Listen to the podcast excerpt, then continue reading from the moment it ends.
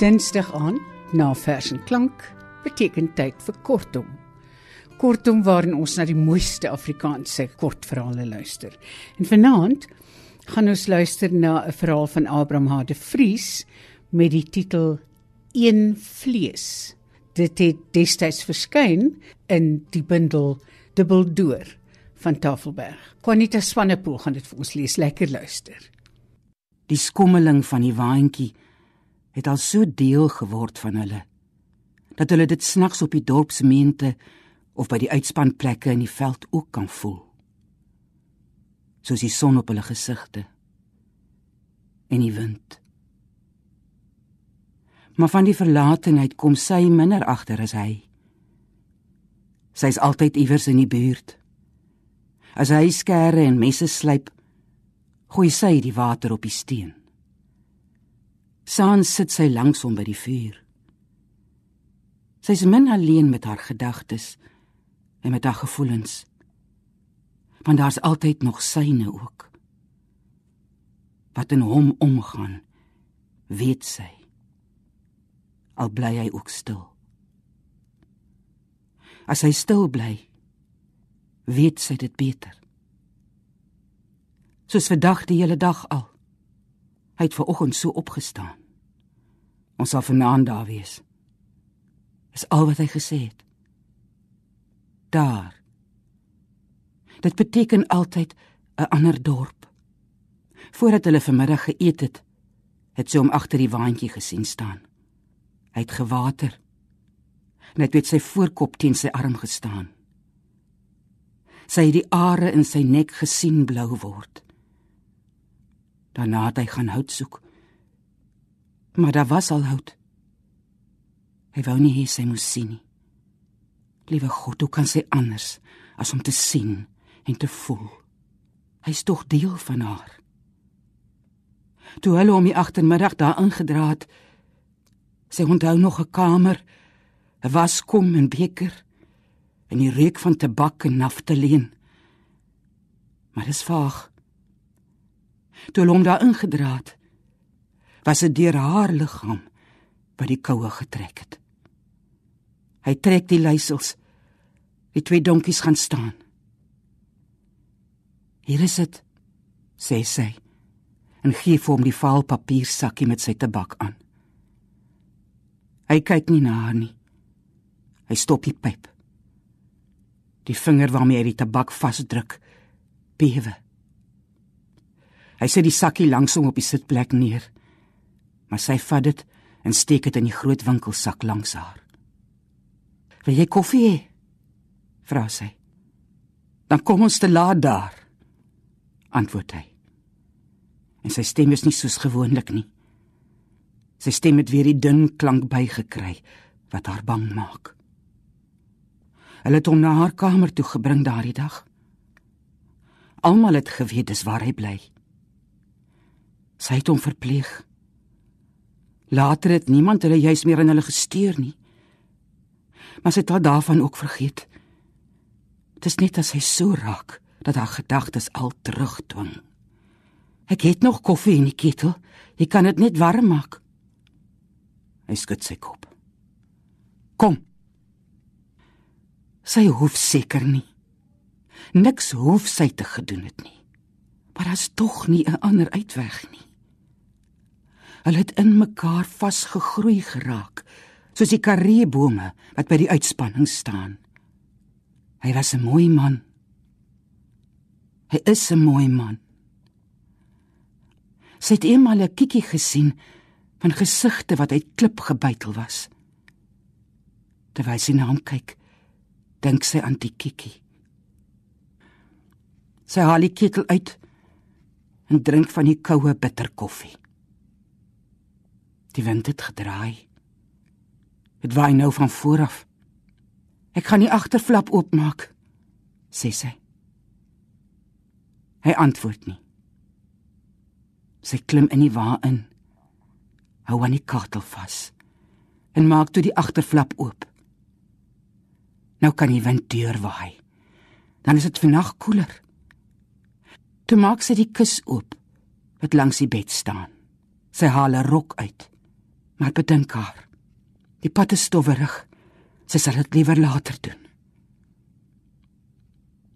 Sy gaan sit op die bed en wag. Dit was eers haar bed. Toe syne en nou is dit hulle sin. Sy maak haar oë toe.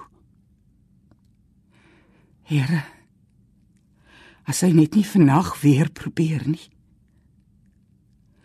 Sy voel 'n koue hand oor haar maag vat as sy dink aan verlede keer. Dit is maar goed dat hulle nie daardie nag op die dorpsmeent oorgebly het nie. Want sy kan niks daaraan doen as hy so wild staan en vloek nie. Hy sou buiten Denny na haar geluister het nie. Hy luister nooit na niemand nie. Hy het weer met God gepraat. Dis nie so sy geleer is nie. Vroeger het dit haar bang gemaak. Maar nou het sy al gedink, miskien is dit soos 'n man met sy God praat. Miskien sal God verstaan. Voor die ongeluk was Dirk godsdienstig. Dis hoekom die bed eers net hare was.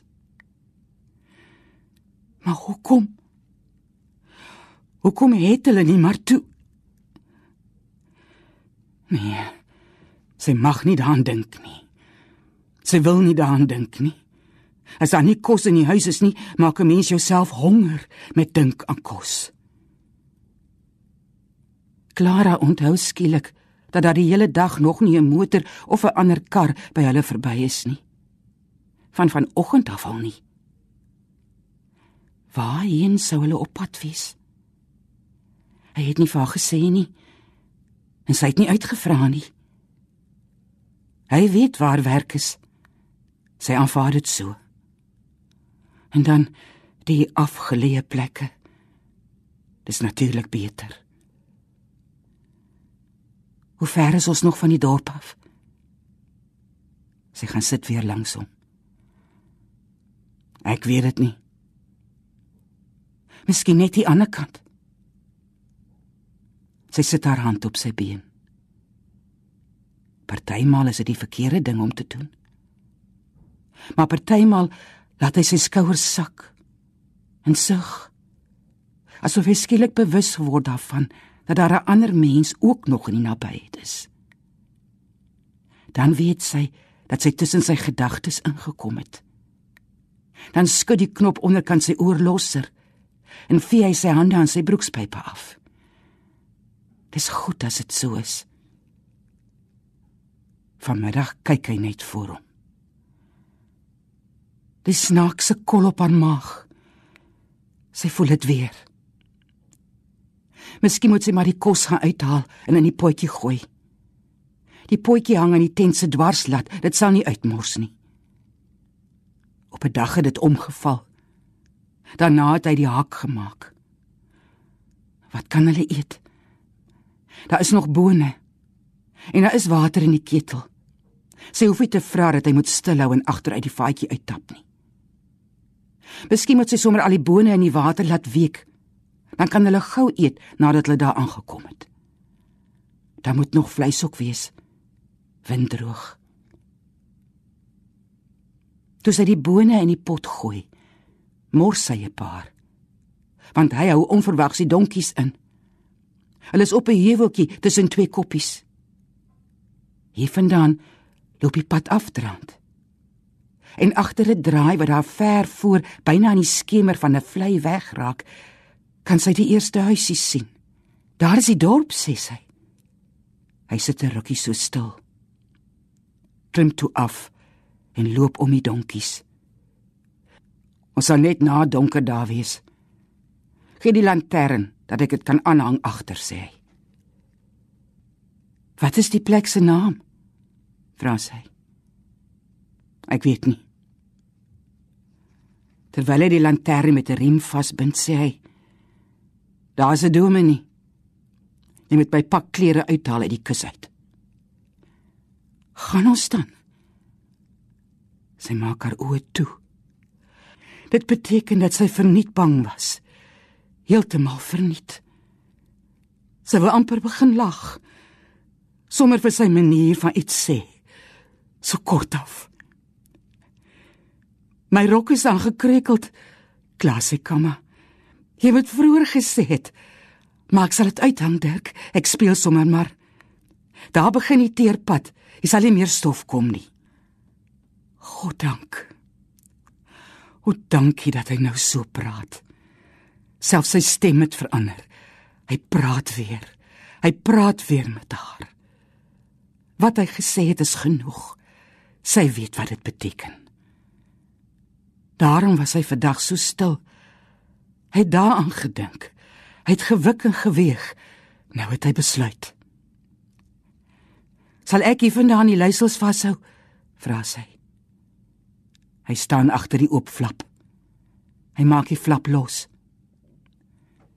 Maak vas binne, sê hy. Hy gaan sit weer op die drywer se bankie en vat die leisels. Weet jy waar die meent is? vra sy om te hoor of hy die plek ken. Nee, moet ek weet? Gaan jy vanaand nog vra? Van die messe in die skare bedoel ek. By die mense. Ek gaan na die polisiestasie toe soos altyd. Hulle weet. Jy kan maar die kos opsit. Ek wil nie ander mense se kos eet nie, antwoord hy. Hulle soek nie lank na die ment nie. Dit lê by die ingang van die dorp langs 'n riviertjie. Nadat hy die donkies versorg het, trek hy hom aan. Sy maak die pot sop. Daar's gelukkig vanaand niemand anders wat hier uitspan nie. Hy het nie eens die voorflap van die watertent toegemaak nie. Terwyl hulle eet, gaan hy nie sit nie. Hy bewe soos iemand wat koud kry. Hy haal swaar asem. Partymal hou hy op met eet. Daar is nog brood, sê sy. Ek gaan vra, sê hy. Trek jou aan. Moet ek die soldeerbout in die slypsteen uithaal? Vra sy. En daar's 'n knop in haar keel wat sy nie weggesluk kry nie. Vir môre. Ons gaan môre vroeg weer weg. Ek het maar bedoel Sy weet nie wat sy eintlik bedoel het nie. Waar is die kam? Het hy weer die kam in sy sak gesteek? Haar hoed is darm nie te verkrekel nie. En die rok, o oh ja, dis aand. En haar ander rok voel sy vroliker. Sy lag vir haarself in die spieël. Daar was altyd maar net Dirk. Sy haal 'n ekstra kombers uit die trommel uit en gooi dit oor die bed. Miskien raak dit koud hier langs die rivier. Nee, al kon sy ook. Sy sou dit nie anders verkies het nie. Sy soms gelukkig. Soos vanaand. Sy kan dit nie glo nie. Toe sy opkyk, staan hy in die opening. Die dominee is net hierbo, sê hy. Ek het die papiere Ek het vandag al uitgehaal, antwoord sy. Hy staan 'n ruk stip na haar en kyk asof hy haar nie glo nie. Maar sy tel dit van die bed af op en hou dit na hom uit. Hier's dit. Kom. Die straat is stil. Want die aand het vinnig toegesak. Dan stap sy vinniger. Hier Hy gaan voor 'n hekkie staan en sy kan sien dat hy nie meer seker is van homself nie. Sy vat aan sy hand en druk dit. Hy maak die hekkie oop en laat haar eerste instap. Agter haar kom sy swaar voetstappe. Sy ken dit al. Hy klop aan. Daar sit 'n klokkie, sê sy. Hy het my gehoor, antwoord Dirk. Iemand kom in die gang af, skakel die stoeplig aan en maak die deur oop. Dis 'n jong vrou en sy het 'n kind op haar arm. Ons wil met die dominee praat, sê Dirk. Gaan maar in die sitkamer in, sê die vrou. Dominee is net besig om te eet. Hy sal nou hier wees. Sy stap weg. Hulle gaan sit. Hy laat toe dat sy haar arm deur syne steek. Maar hy bewe nog. Clara wens hulle was in die waadtent by die lig van die lantern. Goeienaand. Hulle die man nie eers hoor aankom nie. Hy's korterig en skraal. Hy lyk nog soos 'n seun, maar die stem van 'n ouer man, dink Clara. Sal ons maar na my studeerkamer toe gaan. Ek is bevrees as jy veel rus in hierdie huis voordat die klein goed almal in die bed is nie. Maar hier is dit darm stiller. Is daar iets waarmee ons kan help? Ja. Nou moet hy praat.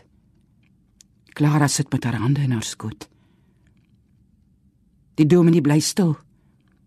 Kyk van die een na die ander, maar niks op sy gesig verraai wat hy dink nie. Ons is arme mense, dominee. En ons trek saam. Ons werk saam. Sy help vir my. Ek slyp skare en messe en ek maak ketels en potte reg. Ek kan soldeer. Maar ons kom nie om te bedel nie. Ons kom om te vra dat u ons moet trou. Die dominee glimlag. Maar dis 'n glimlag waar agter hy al geleer het om baie soorte emosies weg te steek. Hy haal sy bril af. Ek is bly om te hoor dat u besluit het om te trou, sê hy stadig. Maar u moet begryp dat daar 'n paar probleme is wat ons eers uit die weg sal moet ruim. Als dit ons hier, sê Dirk. En hy steek sy hand uit. Ons bedel nie, ons wil net trou. Dan gaan ons weer. U begryp my verkeerd. Ek begryp u nie verkeerd nie. Nou nee, wag. Die dominee blaai deur die twee boekies. Hy frons. Skakel die lig op die lesenaar aan en sit die boekies eenkant neer. Die boekies is al stukkend dominee, sê Dirk. Dis 'n harde lewe. Maar ons geboortesertifikate is daar en ons is gedoop. As ek mag vra, het u kinders? Nee. Sy skud ook haar kop. Waarom vra almal altyd die vraag? Eintlik as ek mag verduidelik, het u 'n spesiale lisensie nodig onder hierdie omstandighede. Maar dis nou al te laat. Ek weet, dit kan môre regkom. Kan ons dan nie maar nee. Dirk staan op. Clara maak haar oë toe. Gee hom die krag, bid sy. Gee hom die krag. Dis nodig. En is vanaand nodig, Dominee. Sê hy. Die vreemde vuur in sy stem laat die predikant stil sit en kyk na die man voor hom nie later nie. Ek is 'n eerbare man en ek is 'n eerlike mens. Die dominee kyk voor hom op die lesenaar vas. Dis asof hy wik en weeg aan iets. Sal jy of sal jy dit nie doen nie, dominee? Vra Dirk. Asseblief, dominee, sê Clara en ook sy staan op. Ek begryp dit nie. Die dominee vee oor sy hare. Sal jy dit doen of sal jy dit nie doen nie, dominee? Die stilte sit om alles en in alles. Hoe lank sit hulle al hier? Wil julle so graag? Vra die predikant en kyk reguit na hulle. Hy praat nou sag. Ja. sê Dirk. Clara knik met haar kop en haal haar sakdoek uit. Gaan sit maar weer. Die predikant ontspan. Om sy mond speel 'n vriendelike glimlaggie terwyl hy agter hom in die boekrak soek na 'n boek.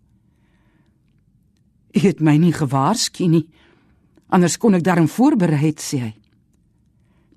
"Wat ek nou gaan doen is om die kerklik in die huwelik te bevestig. Die res kan ons môre uitsorteer." Ek kan op die boekies nie mooi uitmaak nie. Dirk Helm en Clara Elisabeth van Deventer, sê Dirk. Dankie, u begryp dus. Dra dit u goedkeuring weg? Hulle knik albei. Dirk se skouers hang vorentoe. Maar sy oë is groot en hy knip sy ooglede stadig, asof hy wil seker maak dat hy alles sien wat gebeur. Laat my dan toe om te sê dat ek bly is dat twee mense van u ouderdom tot hierdie besluit gekom het.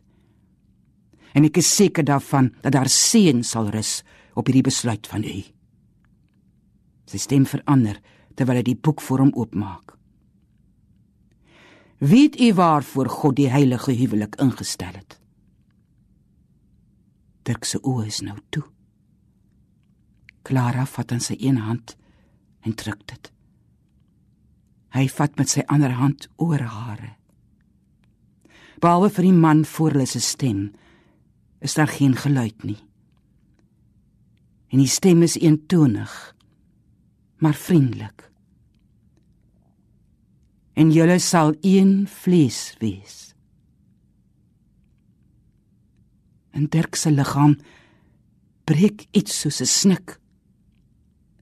En Clara maak haar oë oop maar sy het verniet geskrik. Hy kan hom beheer. Die man voor hulle se stem raak groter as hy. Hy praat van die heiligheid van die huwelik en van die verbond van Christus met sy kerk en van die doel van die huwelik en van die opdragte. Dan skielik is dit weer stil. Die res, soos ek gesê het, is nie in my hande nie. Maar as u mekaar die regterhand wil gee, hulle hou mekaar se hande vas. Clara voel hoe Dirk se groot grouwe hande begin sweet. Maar hulle is om haar. Hou haar vas. Die predikant kom om die lesenaar geloop. Dis 'n vreemde ondervinding wat u my vanaand laat deurmaak het. Ek is ook nog maar jonk in die bediening. Maar tog wil ek omdat ek die erns van die saak aan u kan sien, met u praat. Nie soos 'n dominee, maar eerder miskien soos 'n medemens. Want dit is ook my opdrag. Hy praat van die huwelik.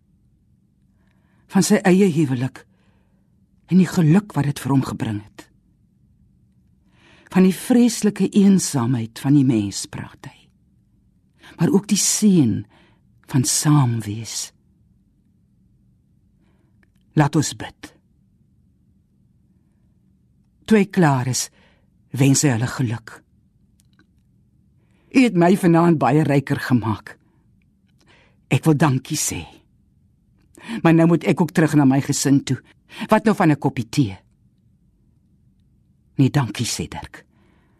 Ons het klaar geëet. Hulle stap weer in die paadjie af waarmee hulle net nou gekom het. Alles het verander. Hy haal haar hoed af nadat hulle seker is daarvan dat die dominee hulle nie meer kan sien nie. Miskien was hier werk, sê hy by die waas die vuur al dood. Sal ek vir ons koffie maak? Vra sy. Ja. Ek gaan slaap. Sy maak die koffie. Klim in die wa en begin haar uittrek. Wou jy dan nie gehad het nie? Vra hy. Ek het vir my gemaak, maar ek het dit buite vergeet. Antwoord sy. Hy staan op, stoot die lantern een kant toe en stap weer uit. Sy trek haar nagrok aan en gaan sit op die bed. Ek is moeg, sê hy toe hy die koffie inbring. Sy klim agter hom in. Hy dra die lantern kleiner, lê dan aan kyk en blaas dit toe dood. In die donker hoor sy hoe sy asemhaling swaarder word. Maar voordat hy inslaap, sê hy. Van almal by wie ons al was, was hy die jongste. Na rukkie antwoord sy. Ja. Maar hy bevestig net so mooi. Dit was Abraham H. de Vries se verhaal Een vlees wat verskyn het in Dubbeldoor van Tafelberg. Juanita Swanepoel het dit vir ons gelees. Van my, Margot Luit, alles van die aller aller allerbeste. Tot volgende keer. Mag dit met ons almal goed gaan. Totsiens.